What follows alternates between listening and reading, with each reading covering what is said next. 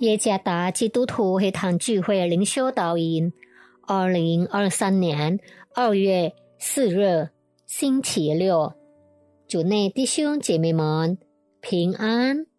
今天的灵修导引，我们会借着圣经《路德记》第一章十五到十七节来思想今天的主题：黑夜后的黎明。作者。郑彦辉传道，《路德记》第一章十五到十七节。拿尔米说：“看呐，你嫂子已经回他本国和他所拜的神那里去了，你也跟着你嫂子回去吧。”路德说：“不要催我回去，不跟随你。你往哪里去？”我也往那里去。你在哪里住宿，我也在那里住宿。你的国就是我的国，你的神就是我的神。你在哪里死，我也在那里死，也葬在那里。除非死能使你我相离，不然。愿耶和华重重的降罚于我。黑夜后的黎明是卡提尼写的一本书信记。这书信记由吉哈阿宾达农收集，标题是 “Durlustaris Totlit”。字句的意思是穿越黑暗走向光明。这好比路德的生平事迹。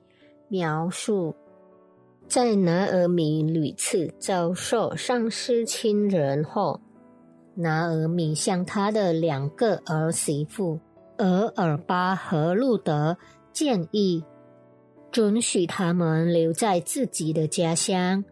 他觉得他们和他在一起，就没有机会再婚并过幸福的生活。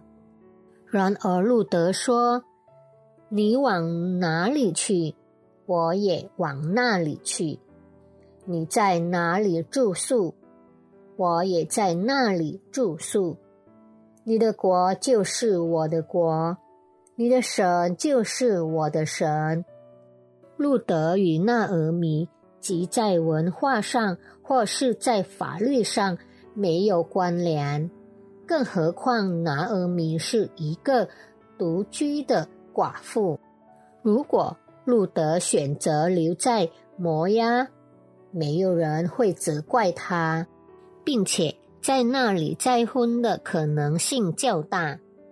路德决定和他的家婆一起去犹大国，跟随拿尔米信靠的神。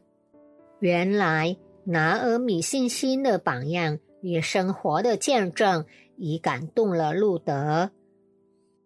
参阅《生命记》十一章十八到十九节，路德因信靠神，使他能忠心的爱拿尔米。路德无私舍己的精神值得表扬。路德未来的丈夫波阿斯对他说：“你丈夫死后，你向你婆婆所行的一切，这些事。”人全都告诉我了。愿神照你所行的报答你。参看第二章十一到十二节。有时，沉重的一场奋斗、压力，无论是失去、疾病，还是经济问题，都会让我们感到绝望，前途茫茫。然而，路德的生活经历劝勉我们，他信靠永生神的意志，给他对未来确实的盼望。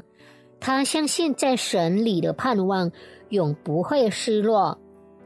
弟兄姐妹们，你是否对你的未来感到绝望和黑暗？仰望永生的神，并下定决心全心信靠他吧。觉志信靠神，就像在最黑暗的夜晚，带来盼望的一线光芒。愿上帝赐福大家。